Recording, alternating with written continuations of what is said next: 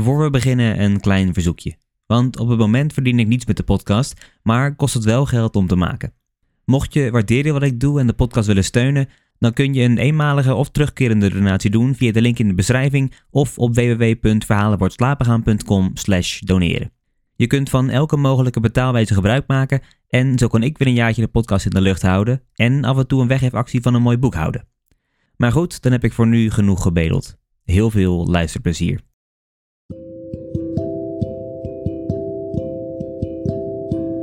Hallo allemaal en welkom. Mijn naam is Mike en in deze aflevering lees ik voor uit de laatste dag van de koning van Sander Kollaert. Dit is Verhalen voor het slapen gaan.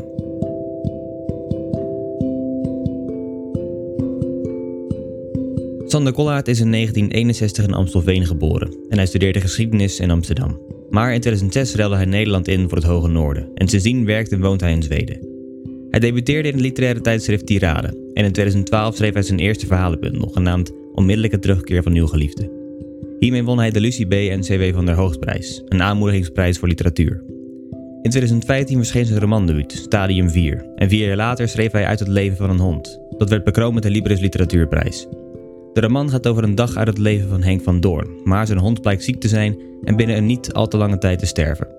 Hij schrijft over sterfelijkheid, maar ook dat de wil om te leven uit deze sterfelijkheid voortvloeit. In deze aflevering ga ik voorlezen uit De Laatste Dag van de Koning, een bescheiden verzameld werk waarin in twee verhalenbundels en enkele losse verhalen en essays zijn gebundeld. Het verhaal dat ik heb gekozen komt uit onmiddellijke terugkeer van nieuw geliefde. De bundel bestaat uit 14 losse verhalen die allemaal gaan over Erik. Dat ze allemaal gaan over één persoon geeft een bijzondere kijk op zijn leven en zorgt voor een rare soort intimiteit. Maar goed, ik zal nu mijn mond houden en beginnen met lezen. Dit is Het Kastboek van Sander Kollaert.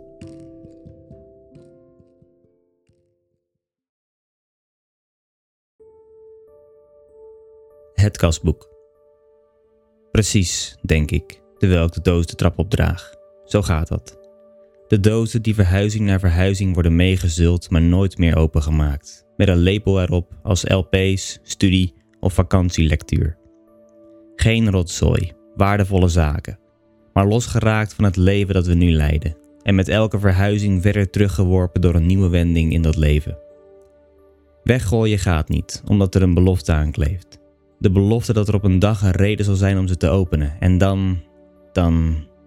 ja, dan wat? Dan luister ik nog eens naar No Woman, No Cry. Dan blader ik dat werkstuk over stadsuitbreidingen van Haarlem 1850-1900 nog eens door. Dan lees ik nog eens Maigret en het lijk zonder hoofd. Maar zo gaat het natuurlijk niet. We blijven de dozen ongeopend meezeulen. Soms worden ze weggegooid, snel en zo achterloos mogelijk om het stekende schuldgevoel voor te zijn. Een enkele keer worden ze oprecht vergeten op een zolder, in een kelderbox of schuur. En uiteindelijk gaan ze over in andere handen, die van de achtergebleven levensgezel, of van het kind dat in gedachten verzonken de flat leegruimt. De trap maakt een draai naar links en komt uit op de ruime overloop. Beneden me hoor ik het opgewonden geroep van de kinderen, die door de nog goed deels lege kamers rennen. Door de voordeur hoor ik de stem van Elin, die instructies geeft aan een van de verhuizers. De doos die ik nu draag is anders, Spullen Erik. Het is weliswaar een doos die ik al bijna drie decennia ongeopend van adres naar adres sleep, maar hij blijft me nabij, waar ik hem ook zet. Ik kan mij moeiteloos de plekken voor de geest halen waar hij eerder stond. In een schuur, naast een voorraad hout die met de seizoenen slonk en weer aangroeide, op een zolder in een stapel van vier tegen een slordig gepleisterde schoorsteen, in een inloopkast naast de slaapkamer bedekt met een stapel truien, in de kelderbox waar het naar natte steen rook, onder een matglazen raampje waar morsig licht van een binnenplaats doorheen viel. Vier adressen, vier nauwkeurig onthouden plekken. De nauwkeurigheid van mijn herinnering bewijst dat deze doos de uitzondering is. Niet losgeraakt van het leven dat ik leid, maar nog altijd deel ervan. En even nauwkeurig ken ik de inhoud ervan. Een paar door zeewater geloogde stukken wrakhout, een zak schaakspel waarvan drie zwarte pionnen missen, een zelfgemaakte fruitschaal en natuurlijk het kasboek. Ik kocht het kastboek in de kantoorboekhandel van Venstra op een zaterdag in mei 1972, kort na mijn elfde verjaardag. Ik was met mijn vader die bij Venstra zijn boeken kocht. Zoals gewoonlijk bestudeerde ik de kasten met kantoorbenodigdheden, die grote aantrekkingskracht op mij uitoefenden. Plank na plank lag vol met stapels papier in verschillende formaten en kwaliteiten. pakketten van tien schriften bijeengehouden door papieren wikkels, dozen met potloden, pennen en gummen, houten bakken met punaises en paperclips die per ons werden verkocht, stapels notitieblokken en enveloppen in verschillende formaten, lange rijen ordners en tenslotte een plank met diepmachines, perfotoren, elektrische puntenslijpers en andere apparaten. Er ging van de planken een bekoring uit die ik later zou herkennen als de schoonheid die voortvloeit uit een trefzekere ordening, zoals de schoonheid van een antieke tempel, een strijkkwartet van Beethoven of een natuurwet. Mijn oog viel op een slordige stapel die ik niet eerder had gezien.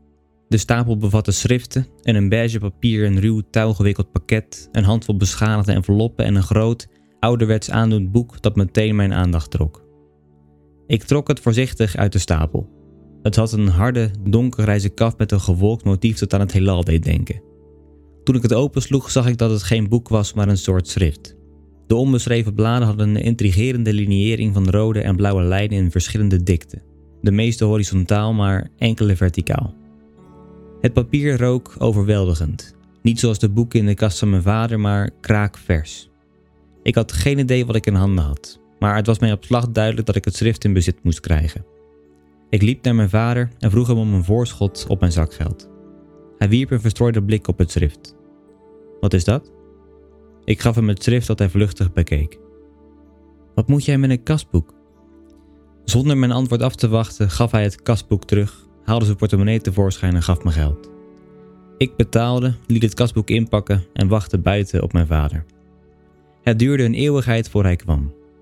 Op de terugweg liep ik steeds enkele passen voor hem uit, ongeduldig, verlangend naar de beslotenheid van mijn kamertje op zolder waar ik mijn aankoop ongestoord zou kunnen bestuderen.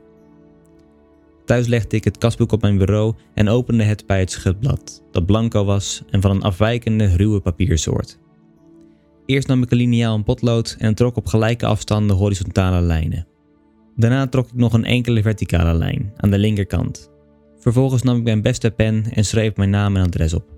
Erik van Duin, Pleinmesselaan 11, Amstelveen, Noord-Holland, Nederland, Benelux, West-Europa, Europa, Noordelijk halfrond, aarde, zonnestelsel, melkweg, heelal.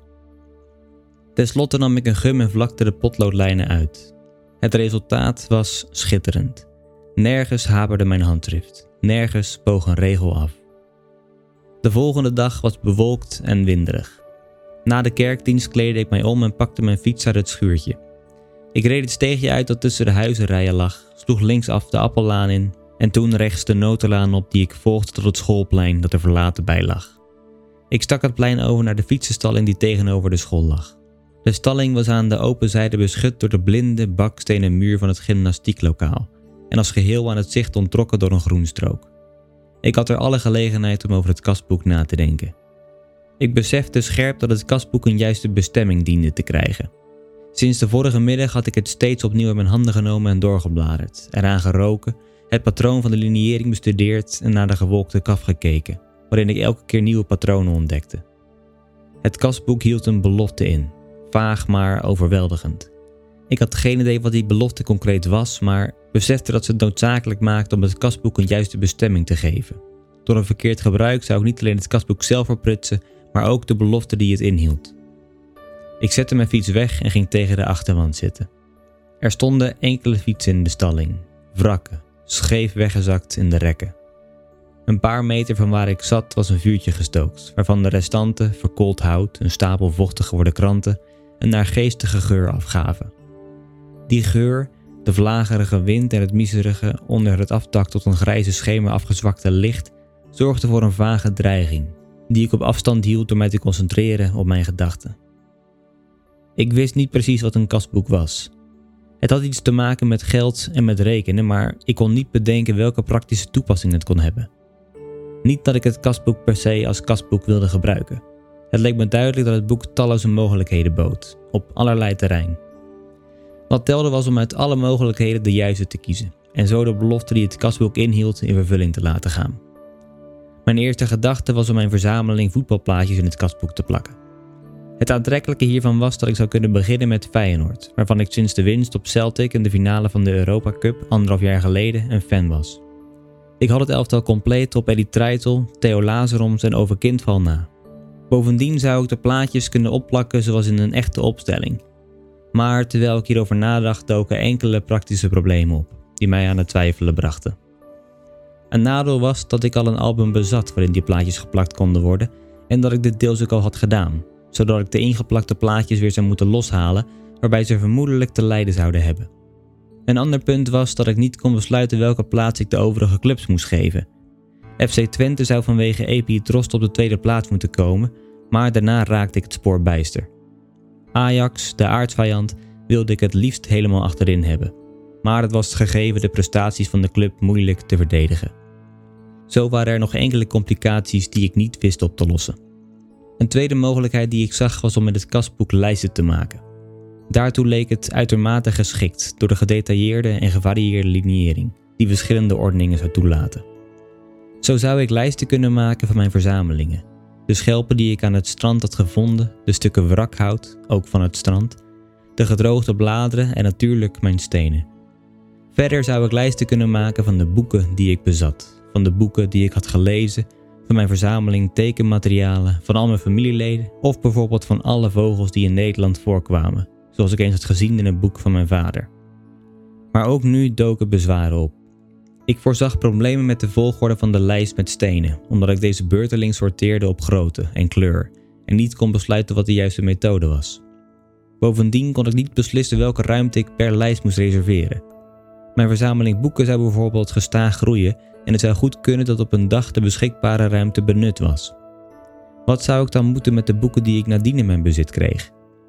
Verder maakte ik me zorgen over mijn handschrift, dat de neiging had al enkele min of meer nette regels te ontaarden in een zeer lelijk verkrampt gekriebel. Een derde mogelijkheid was om het kastboek te gebruiken als dagboek.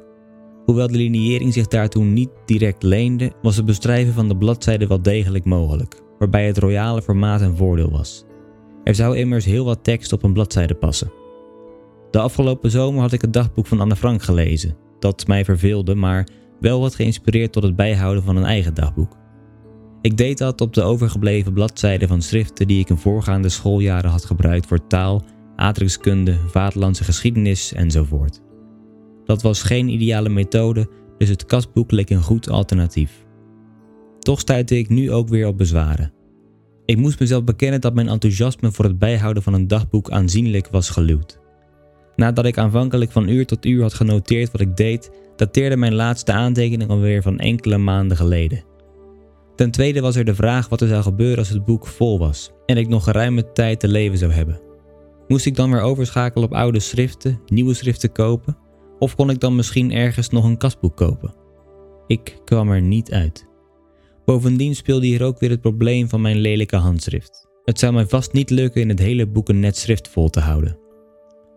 Een laatste idee dat ik overwoog was om het kastboek te bestemmen voor krantenknipsels.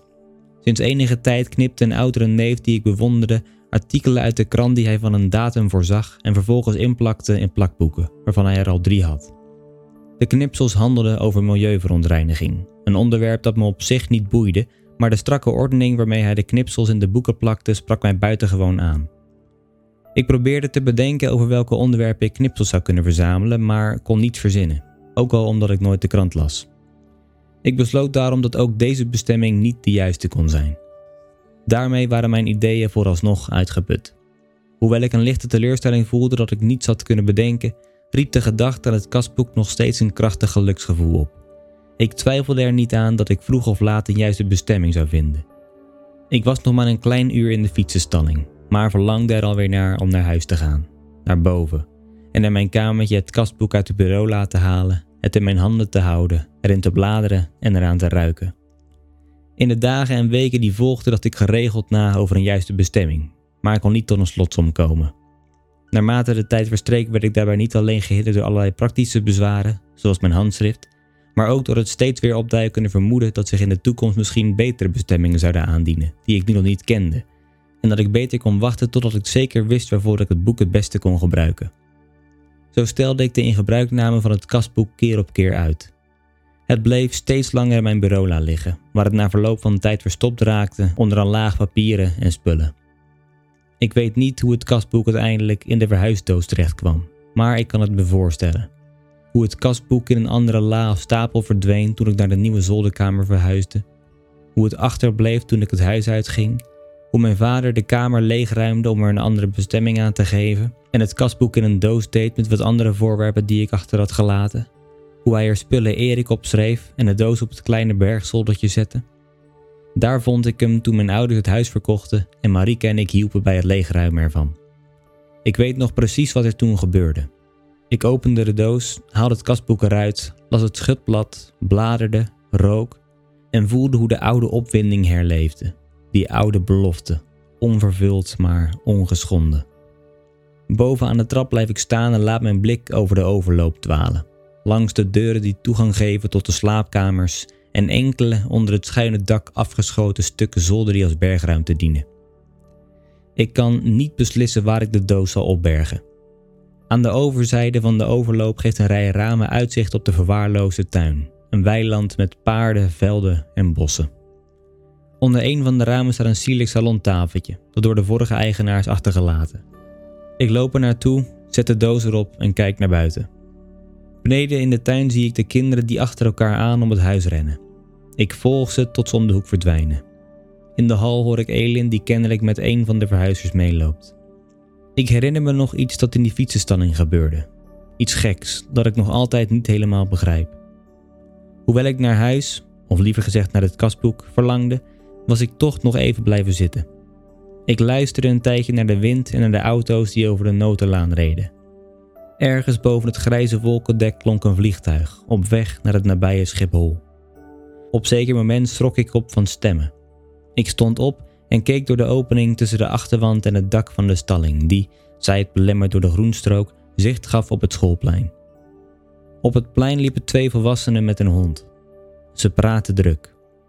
Niets wees erop dat ze naar de fietsenstalling zouden komen, maar toch hield ik ze nauwlettend in het zicht totdat ze naar rechts uit mijn gezichtsveld waren verdwenen. Pas nadat ik ook hun stemmen niet meer hoorde, draaide ik me om en liet mijn blik door de stalling gaan. Op dat moment werd ik bevangen door een opwinding die mij enkele ogenblikken verlamde, maar er volgens toe bracht mijn jas open te knopen en mijn broekriem los te maken. Ik duwde met beide handen zo mijn broek als onderbroek naar beneden, tot op mijn knieën. Zo bleef ik staan, half voorover gebogen, en voelde hoe de wind tussen mijn naakte dijen kwam. Ik sloot mijn ogen. Mijn hart klopte hevig, mijn ademhaling versnelde en mijn benen trilden. Na misschien een halve minuut trok ik de kleding weer op, gespte mijn riem vast, knoopte mijn jas dicht, pakte mijn fiets en reed de stalling uit, het verlaten schoolplein over naar huis. Waarom ontblootte ik mij? Was het een of andere ontlading van een spanning die door de plotselinge verschijning van de twee volwassenen en een hond naar een hoogtepunt was gestuurd? Was het een seksuele opwinding, mijn eerste ontwaken van mijn libido? Maar waarom dan? Waarom daar op die naargeestige plek op dat moment? En had het kastboek ermee te maken of stond dat er los van? Het zijn vragen waarop ik nog altijd geen antwoord heb. Erik, ben je boven? Ja, hier. Elin verschijnt in het trapgat. Ah, daar ben je.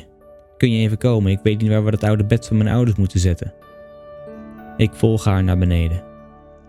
Het is eigenlijk te groot voor de logeerkamer, dus ik dacht dat we misschien Halverwege de trap blijf ik staan als ik besef dat de doos nog op het salontafeltje staat. Als ik me omdraai, vult opeens het gejoel van de kinderen de hal. Ze komen door de voordeur binnenrennen en dringen zich langs mij heen de trap op naar de overloop. We gaan een hut bouwen. Ik knik, glimlach. Goed zo. Van waar ik sta zie ik de doos. Ik aarzel een paar tellen, maar neem dan een besluit. Draai me om en daal verder de trap af. Het maakt niet uit of ik weet waar de doos precies terechtkomt. Ik zal altijd weten waar hij is. Ongezien, ongeopend, maar op een vanzelfsprekende manier aanwezig. Ongeveer zoals het hart.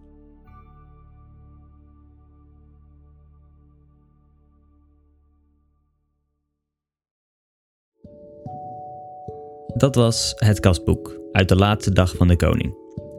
Ik koos dit verhaal omdat ik het sowieso heel erg herkenbaar vind. Mijn huis ligt ook vol met schriftjes en notitieboekjes die ik mooi vond en waarvan ik zeker wist dat ze een ultieme bestemming hadden. Maar uiteindelijk bleven de meeste leeg, omdat ik niet wist wat de ultieme bestemming dan zou moeten zijn. Dat gebeurt ook in dit verhaal.